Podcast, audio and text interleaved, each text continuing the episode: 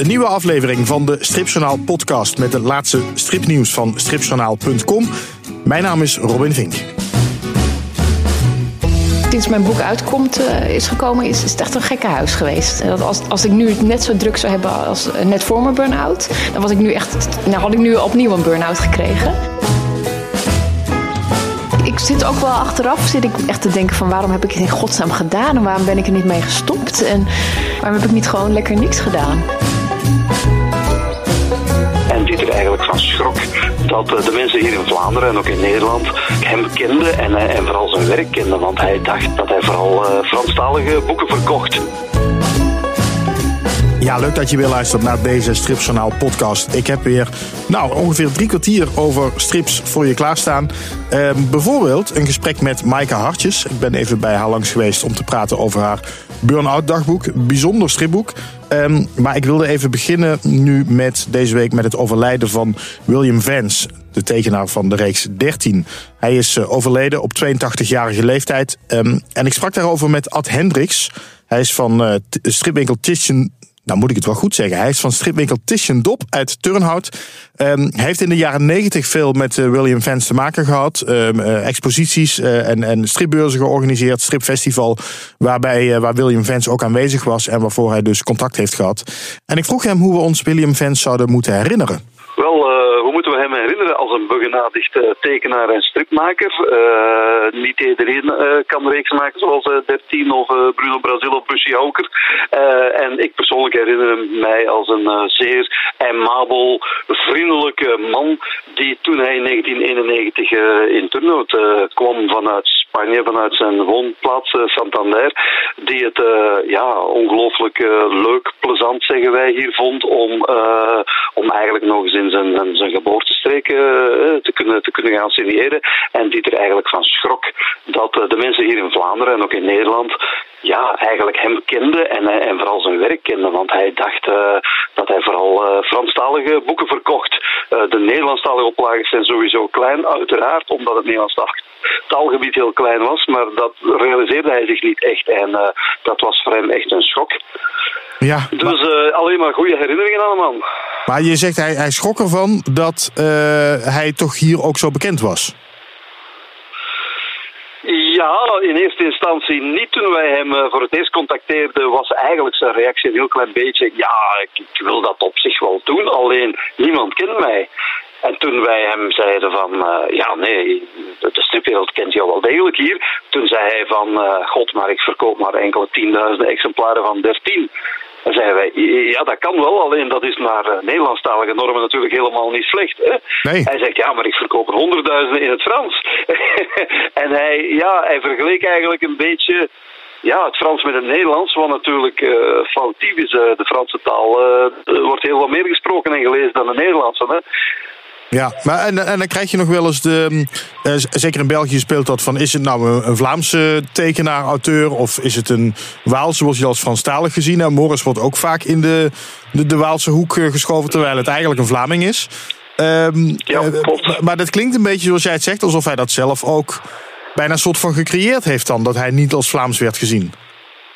Snap je wat ik bedoel? Ja, dat klopt natuurlijk wel. Uh, hij heeft het misschien niet zelf gezocht, uh, bewust. Maar uh, het is natuurlijk wel zo dat hij voor Franse bladen is gaan werken.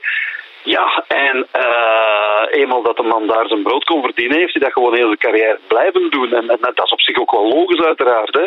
Maar uh, het, zal zeker geen bewuste keuze geweest zijn. Maar uiteindelijk nu tekenaars in Vlaanderen momenteel proberen nog steeds om, om, om, om ja, Frans te kunnen publiceren. Want ja, dat is de enige manier om eigenlijk uh, professioneel te kunnen bestaan. Het Nederlands taalgebied is echt veel te klein om, om, om je boterham te verdienen. Hè. Ja.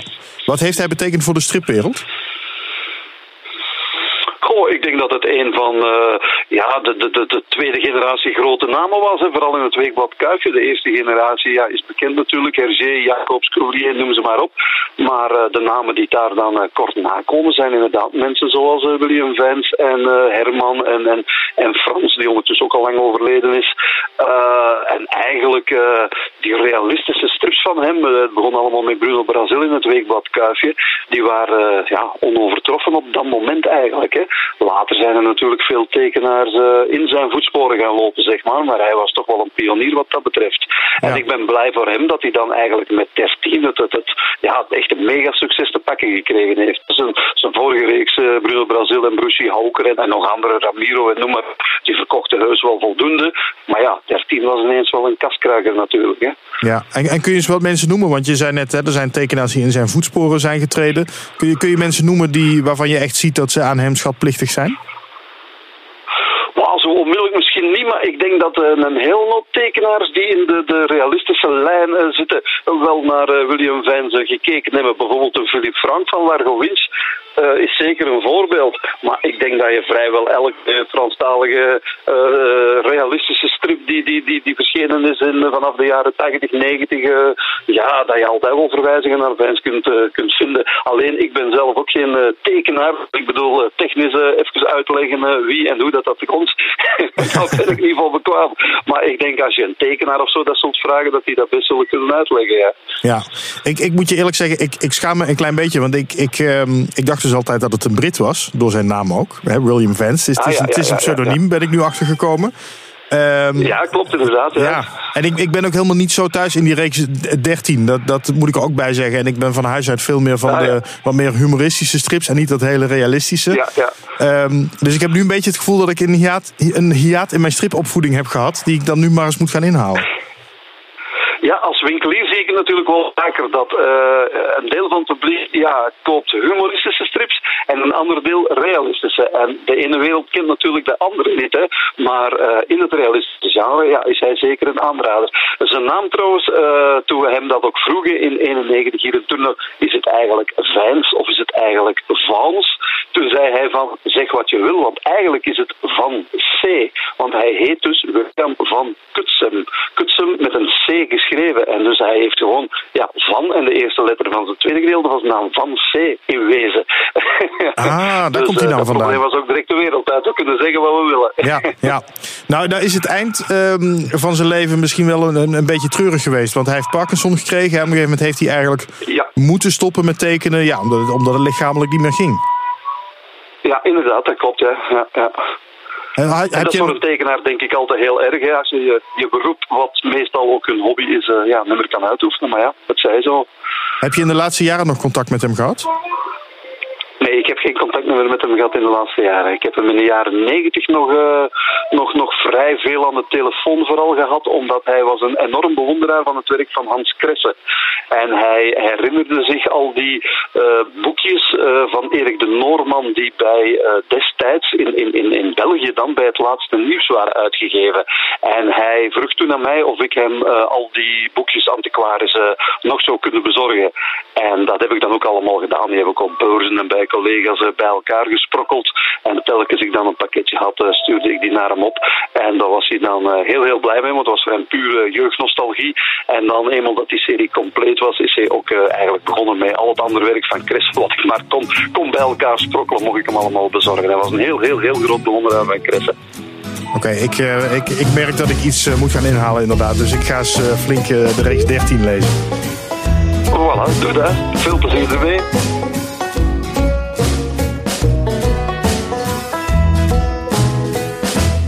Voordat ik verder ga met deze podcast wil ik ook even zeggen hoe blij ik word af en toe van reacties die ik van mensen krijg. Dat vind ik heel fijn. Ik kreeg bijvoorbeeld Rob Stoks, die twitterde mij afgelopen weken. Die zei, kun je nou eens een keer ophouden met verontschuldigen dat je niet elke week een podcast maakt. Je maakt een goede kwalitatieve podcast en daar mag je best trots op zijn. Nou Rob, ja, ik heb je al via Twitter geantwoord. Um, maar, ja, dan zeg ik aan het eind van de podcast zeg ik tot volgende week. En dan heb ik het gevoel dat ik er ook echt moet zijn. Um, nou ja, lukt niet altijd inderdaad. Nou, ik, zal, ik zal in ieder geval geen tot volgende week meer zeggen. Dat scheelt misschien al. Maar ik ga wel mijn best doen om er gewoon iedere week te zijn. Maar dankjewel voor, je, voor je reactie. Um, ook striplezer via uh, uh, Instagram. Uh, Jeroen heet hij eigenlijk. Die, zei, die, vroeg me, die vroeg me op een gegeven moment ook van waar ben je gebleven? Ik mis je, ik luister je podcast altijd. En daar word ik heel blij van, want het geeft me ook wel het gevoel dat ik het voor iemand doe. Uh, ja, dat klinkt misschien een beetje stom, maar ik zit dan elke week in mijn eentje die podcast op te nemen. En ik weet dat er mensen naar luisteren, maar het is heel fijn om dan ook een reactie te krijgen. Dus uh, je mag me twitteren, Instagram, uh, Facebook, mailen, info.stripjournaal.com. Want ik hoor graag wat je ervan vindt. wat je misschien nog zou willen horen. Geef ook even een ranking in je podcast-app. Vijf sterren natuurlijk. En dan uh, maak je me wel helemaal blij. Dankjewel jongens. Oké, weer terug naar de strips. Ik heb gesproken afgelopen week met Maaike Hartjes over haar burn-out dagboek. Zij heeft haar eigen burn-out en het hele proces dat ze daarmee, uh, waar ze in zat, heeft ze verwerkt in een stripboek, een stripdagboek. Um, en het is ook niet eens, het grappige is, het is niet eens een heel erg typisch stripboek. Ze werkt met collages en ze heeft natuurlijk sowieso al een hele eigen tekenstijl. Um, en dat maakt het een uh, heel bijzonder boek dat ook niet echt in een hokje te plaatsen is. Het is niet een heel typisch stripboek. Nou, ik had heel veel vragen aan Maaike. Ik ben haar gaan opzoeken. Uh, we zijn in een cafeetje gaan zitten naast de expositie die zij aan het, uh, in elkaar aan het zetten is in Amsterdam. Die nu op het moment dat je dit hoort waarschijnlijk te bezoeken is. Daarover zometeen meer. Maar eerst luister naar het gesprek met Maaike Hartjes. We hebben eigenlijk best, nou zitten we hier om te praten over jouw burn-out dagboek. Maar we hebben best wel moeite moeten doen om een uh, plekje in ons beide volle agenda's te prikken. Ja, het is echt een, sinds mijn boek uitkomt, uh, is gekomen, is, is het echt een gekke huis geweest. Ja. Hoe is? Dat vind ik wel ironisch eigenlijk, omdat je precies, ja, dat is precies waar je boek ook over gaat. Ja, en, maar het grappige is ook wel dat ik, juist nu ik het zo druk heb, merk ik dat ik daar heel veel beter mee om kan gaan. Dat als, als ik nu het net zo druk zou hebben als net voor mijn burn-out, dan was ik nu echt, nou had ik nu opnieuw een burn-out gekregen. Uh, en nu heb ik gewoon helemaal geen stress. Oké. Okay. En, en uh, nou ja, dat is inderdaad wat je ook in je boek beschrijft, hè, dat hele proces van hoe het begon als burn-out, toen je nog niet eens wist dat het een burn-out was, tot, nou, tot je er ook weer uitkwam. Uh, ik heb met veel plezier gelezen, moet ik zeggen. Ik, ik, ik uh, had hem uit en ik had bijna zoiets van: oh, ik kan nog wel verder willen lezen. Maar ja, dan is het verhaal, het verhaal is natuurlijk gewoon af. Maar het, uh, het, was heel, het, ja, het is heel gek. Het was heel vermakelijk om te lezen. Terwijl je het gewoon gemaakt hebt, natuurlijk, vanuit eigenlijk best wel een vervelende situatie. Ja, nou ja, het is eigenlijk heel erg per ongeluk ontstaan, dat boek. Ik was helemaal niet van plan om een boek te maken, maar ik ben gewoon elke dag ging ik gewoon tekenen. Oh. Nee, dat maakt niet een beetje gerinkel, laat maar gaan. Oké. Okay. Um, waar was ik gebleven? Nou ja, um, je was gewoon elke dag ging je tekenen? Ging tekenen, ja. En het was gewoon een, echt zo'n hele vervelende periode... waarin ik heel graag van alles wilde doen. En ik kon helemaal niks doen. En alleen dat tekenen in mijn dagboek, dat lukte me nog. Dus in die zin was het ook heel erg belangrijk voor me... omdat ik gewoon op die manier... Um, ja, gewoon elke dag toch nog wel een, een mooie tekening dan had gemaakt. Dan was ja. de dag niet totaal verspild. Om een beetje zingeving te hebben. Ja, toch, ja want het is vooral gewoon heel erg saai, een burn-out. Want je, ja, je wilt van alles en je kan helemaal niks. En, en je zit gewoon maar een beetje te hangen en te zitten en te wachten tot het voorbij is. Ja. En dan had ik in ieder geval gewoon toch wel weer een mooie pagina gemaakt. Ja. En ja, dat geeft dan toch een beetje eigenwaarde nog. Kun je eens vertellen hoe dat. Um hoe die burn-out ontstaan is. Of hoe je daar ineens op dat punt kwam dat je dacht: oh help, ik heb een burn-out. Je hebt het in je boek ja. beschreven, maar ik ben ook ja. wel even benieuwd hoe je het. Nou ja, het zat eigenlijk al jaren, denk ik, aan te komen. Uh, het was meer dat het. Elke keer als ik gewoon bijna overspannen en overwerkt raakte, dan kreeg ik wel een van de griepje, waardoor ik gedwongen werd om rust te nemen. En nou ja, dan, dan ging het wel weer. En dan ging ik weer op dezelfde manier verder. Uh, en toen ging het opeens best wel goed met mijn gezondheid. Dus toen was er opeens geen griep meer om me tegen te houden. Dus toen ging ik maar door, maar door, maar door. Uh, en op een gegeven moment toen, toen ben ik echt van de ene op de andere dag gewoon bijna ben ik ingestort. Ik, ik had wel eerder gewoon allemaal klachten. Dat ik slecht sliep en zweetaanvallen en dat soort dingen. Ik werd een beetje trillerig. Dat klinkt al niet um, al te best. Nee, ja, je denkt van, ach, nou ja, weet je, ik ga even op vakantie en het, het valt wel weer mee en ik ga weer gewoon vrolijk door. En raar is ook echt dat een week voordat ik echt instortte, heb ik zelfs nog gewoon normaal gewerkt. Dan ging het juist heel erg goed. Uh, en ik ben zelfs een huisarts geweest, gevraagd van, oh, moet ik daar iets aan doen? En, maar ja, dat, dat ging allemaal gewoon allemaal nog prima. En, ja, en toen moest ik dus twee dagen werken. En moest ik even opzoeken hoe ik daar met het openbaar vervoer uh, moest komen. En, en toen opeens lukte me dat niet. Toen was het gewoon het opzoeken van welke bus ik zou moeten nemen. En hoe de, dat het best met de trein op elkaar aansloeg. Dat, dat gaf me zoveel stress. En dat, het lukte me gewoon echt niet om dat op te zoeken, zoiets kleins. Toen stortte ja. ik opeens gewoon helemaal in. Maar dat klinkt ondanks al die signalen toch een beetje als van de een op de andere dag. Ineens het was echt, boem. nou, want daarvoor toen, toen had ik wel, ik werd wel steeds moeier en, en steeds dat ik me naarder voel. En ik, had allerlei klachten al, maar ik kon gewoon nog doorwerken. En dat was gewoon voor mij echt het moment dat ik dacht dat het niet meer ging. Dat ik gewoon wel wil. Ik dacht van nee, ik moet gewoon even mijn, bus opzoeken. Uh, en het, ik kon het niet. Alles in mijn lichaam ging roepen van nu stoppen we ermee. Ja. En toen ben je dat dagboek gaan bijhouden, eigenlijk voordat je in de gaten had hoe heftig het was, als ik het goed gelezen Uh, heb. nee, ik heb, eh, nee, het- eerst heb ik echt gewoon een maand rust genomen. Ik, ik weet eigenlijk nauwelijks nog wat ik gedaan heb. Volgens mij heb ik alleen maar een beetje gewandeld en, en ik kon echt niks. Eh, alles wat gewoon maar stress gaf, dat, dat kreeg ik een paniekaanval van. Dus, eh, dus de eerste maand heb- kon ik ook niet tekenen. Maar dat, dat had ik net een, een beetje extra eh, concentratie nodig. Het lukte allemaal niet. En nou ja, na een maand toen probeerde ik toch maar weer een tekening te maken. En dat, toen ging het wel. En toen dacht ik van nou, nu is het even... Ik wist niet dat ik een burn-out had. Ik dacht, ik zit gewoon maar een maand te niksen. Ik moet gewoon weer aan de slag. Dus toen ben ik gewoon voor mezelf begonnen om, om te gaan tekenen. Eh, zodat ik dus... Ja, gewoon echt, ik had gehoopt van, oh, dan, dan pep ik mezelf weer op en dan kan ik gewoon weer aan het werk gaan. En toen, dat was dus voor mij het, het moment dat ik dacht van, ik ga gewoon voor mezelf een dagboek maken, wat ik vaker deed. Eh, en het was gewoon, gewoon een dagboek over mijn leven. Ik dacht van, oh, dat zet ik later online. En toen werd het dus uiteindelijk helemaal onbedoeld, werd het een, een dagboek van mijn burn-out. Ja. Maar je had dus wel het idee om het op enig moment online te zetten. Want ik vond het ook Ja. heel persoonlijk vaak wel. Nou ja, later. Nou ja, ik, had, ik maak natuurlijk heel lang al dagboeken eh, die ik dan online zet of dat ik die publiceer. Meestal bepaal ik pas achteraf of ik het ga publiceren. Dus ik vertel eigenlijk altijd zonder remmingen ja, wat, wat er in mijn leven gebeurt. Eh, en later besluit ik dan van ga ik dit publiceren of niet. En ik had alleen eigenlijk zo'n beeld van nee, ik ga het gewoon online zetten. Maar het was meer gewoon een beetje om mezelf te motiveren. En, en niet met het idee ik ga er een boek van maken. En zeker niet een burn-out boek. Nee. Ja. Heb je er heel erg in geselecteerd? Heb je er dingen uitgehaald waarvan je dacht, oeh, dat is misschien toch een beetje te persoonlijk? Ehm, nee, geen persoonlijke dingen. Meer gewoon dingen die het verhaal wat saaier maakten. Dus er zijn een paar pagina's zijn gesneuveld omdat het gewoon dan werd het weer hetzelfde. Weet je, het- heel veel dingen zijn natuurlijk ook hetzelfde. En soms werd het wel heel erg eh, van oh, weer een dag niks gedaan. Nou ja, dan, dat zijn pagina's die je dan wel kunnen sneuvelen. Ja. Eh, dus, dus er, er zijn gewoon nou ja, misschien tien pagina's of zo uitgehaald. Maar meer gewoon omdat ze het boek saaier en slechter maakten. En niet omdat het hele persoonlijke dingen zijn. Maar dat is misschien ook wel dat ik ben van nature heel open.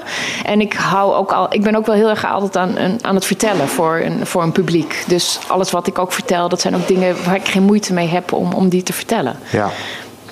Eh, wat, wat ik bijvoorbeeld, nou, scènes die ik me heel erg herinner, of wat ik, nou laat ik zo zeggen, wat ik heel erg opvallend vind, is dat natuurlijk ook, het gaat niet alleen over jou, maar het gaat ook over je omgeving. Die komt ook in dat boek voor je vriend Ja. Mark, Ja.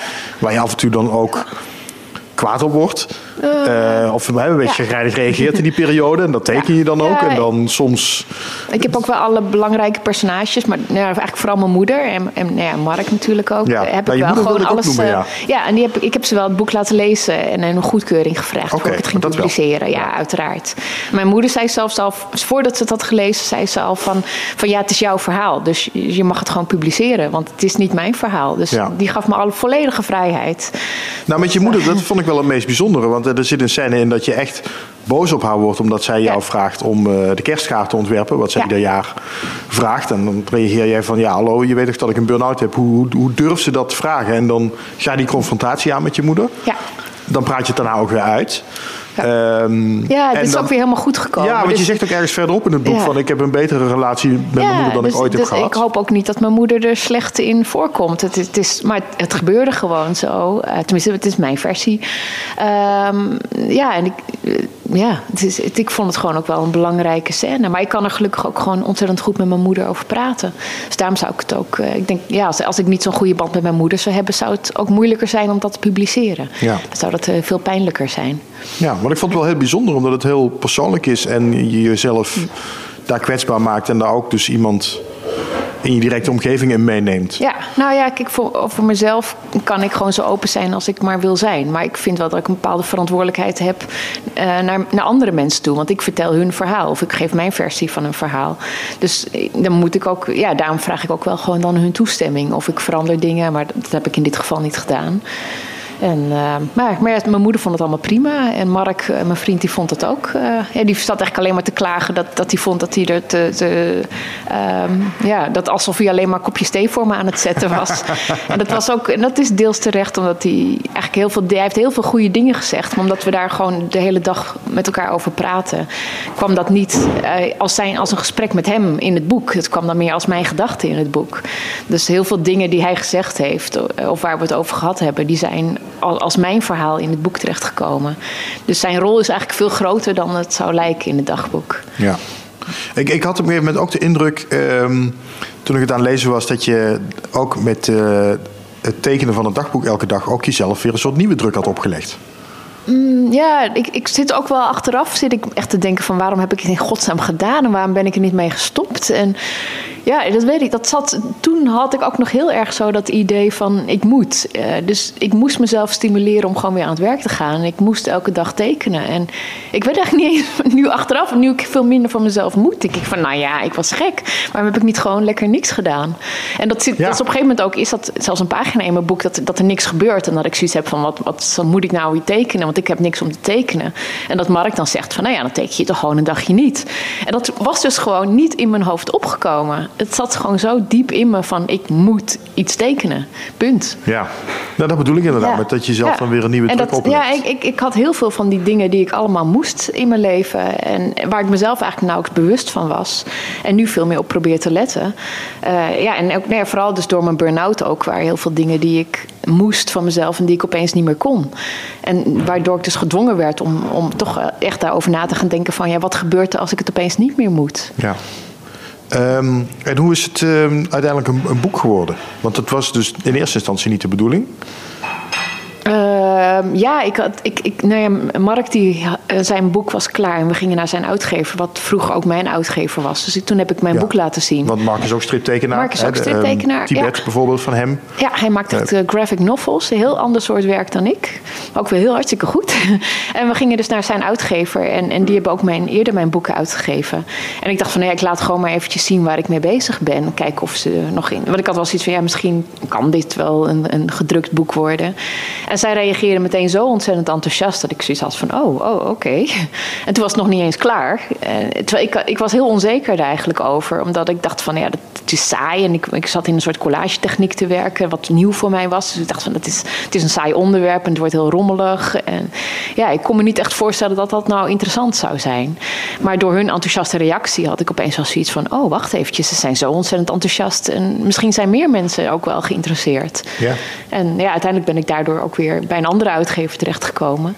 Ook omdat ik eigenlijk uh, uh, ja, gewoon een, een grote publiek. Uh, dat ik dacht van oh, het is misschien toch wel interessant voor een groot publiek. Ja, um, want je hebt. Um, want je was in het Engels begonnen eigenlijk, toch? Ja, hè? ja, ook omdat ik dus dacht van ik ga het op internet zetten.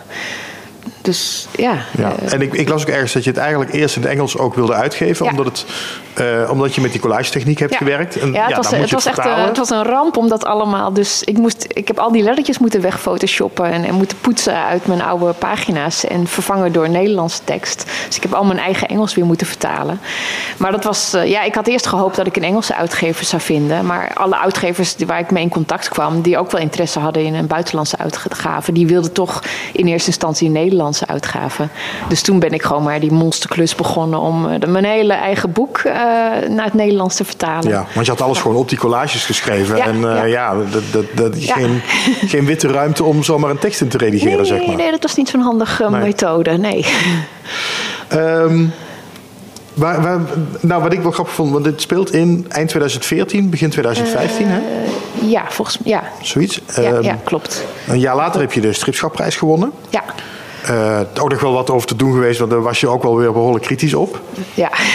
um, nou, nou, kan ik je zeggen, uh, misschien klap ik nu een beetje uit scholen, maar dan doe ik het maar gewoon. Eind 2014 uh, zat ik in de commissie van de stripschapprijzen. Oh, oké. Okay. Uh, toen hebben, uiteindelijk heeft toen Marcel Ruiters de stripschapprijs gekregen. Mm -hmm.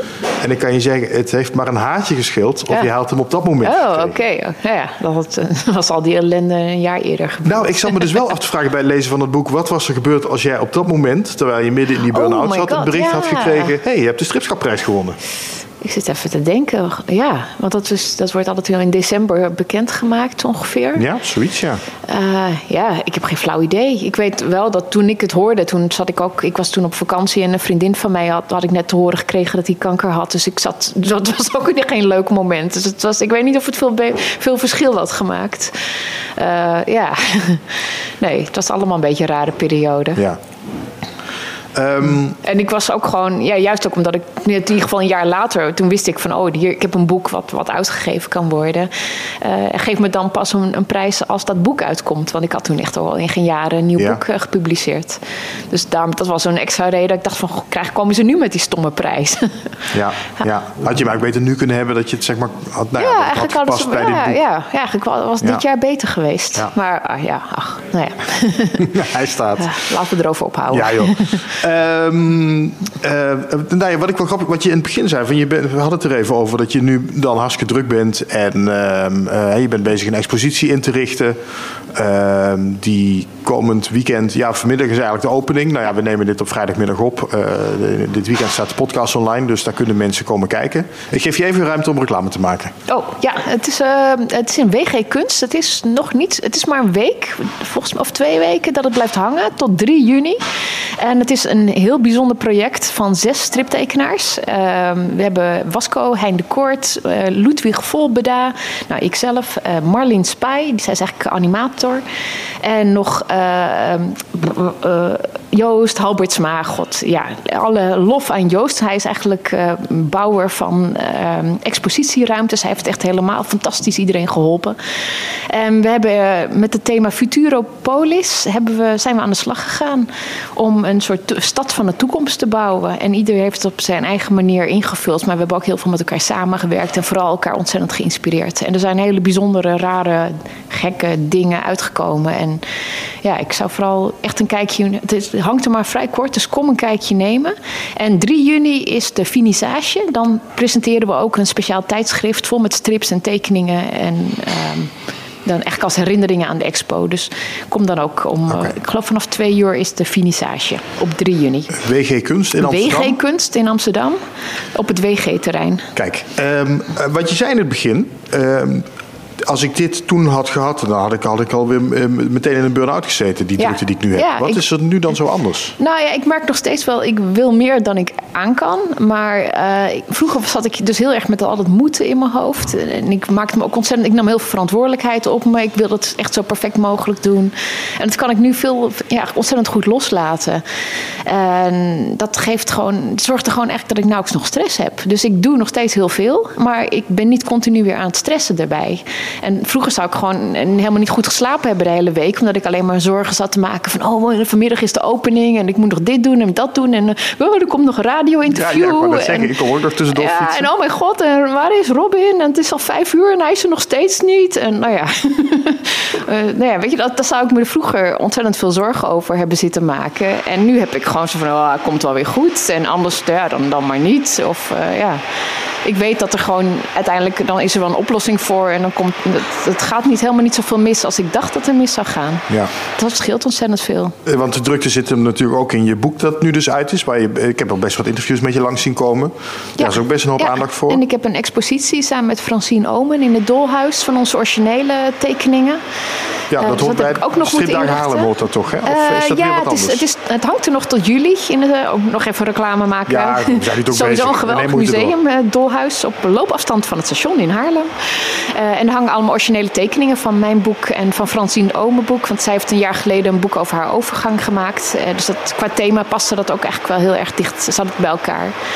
Ehm, ja, dus daar, wat die expo moest ik ook nog even tussendoor inrichten. En boekpresentatie. eh, ja, het was een en al gekkenhuis. Ja. Ondertussen is er een enorm koffieapparaat en het pruttelen geloof ik op de achtergrond. Of ik weet niet wat het is. Nou ja. Dat goed? Nee, dat gaat prima. Daar praten we gewoon een beetje doorheen.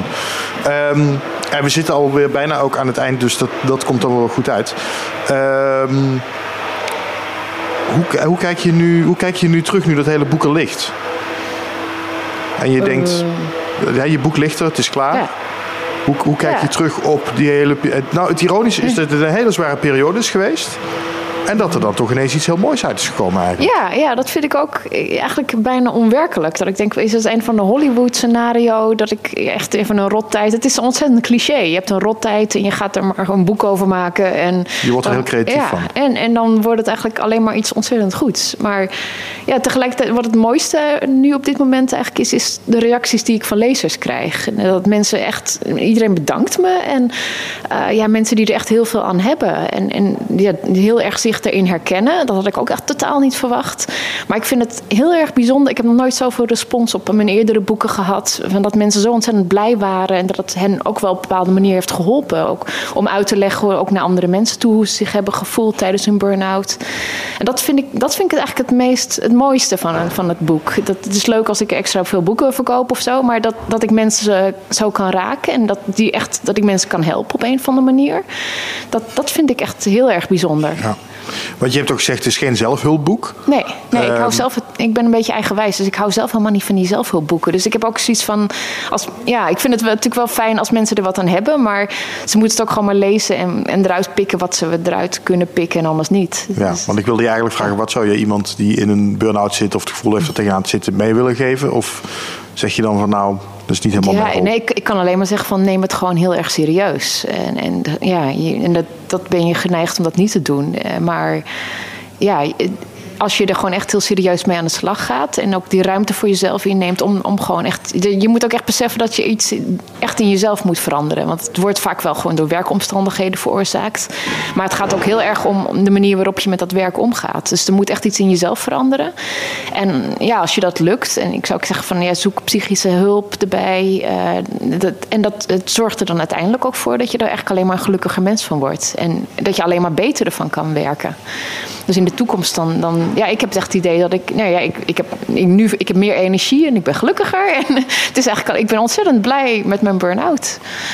Ja, dat is het grappige eraan. Ja, dat schrijf je ook in dat boek. Ik ben heel blij dat ik het heb Ja, het is, het is ook weer zo'n cliché, maar het is, ik ben echt heel erg blij dat ik dat nu... En ik merk nu gewoon echt hoe ontzettend mijn leven veranderd is. En, en hoe beter ik met stress om kan gaan.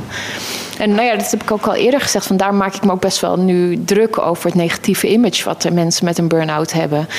Uh, hoe, hoe negatief daarover wordt gedacht dat ze zo gevoelig zijn of minder goed aankunnen. Terwijl ik zeg zoiets heb van ja, maar ik ben zoveel stressbestendiger geworden en ik kan beter samenwerken. En ja, ik, ik kan veel meer aan dan ik vroeger aan kon. En ik zorg beter voor mezelf. En, en ja. En als mensen ook zulke lessen uh, uit hun burn-out kunnen halen, dan zijn het alleen maar betere werknemers geworden. Ja.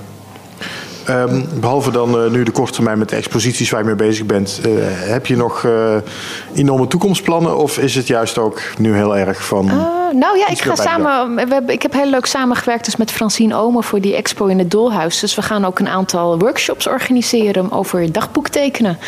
En oh, over, oh, over tekenen, over je eigen angsten en je moeten. En ja, daar op een leuke manier mee omgaan, op een creatieve manier.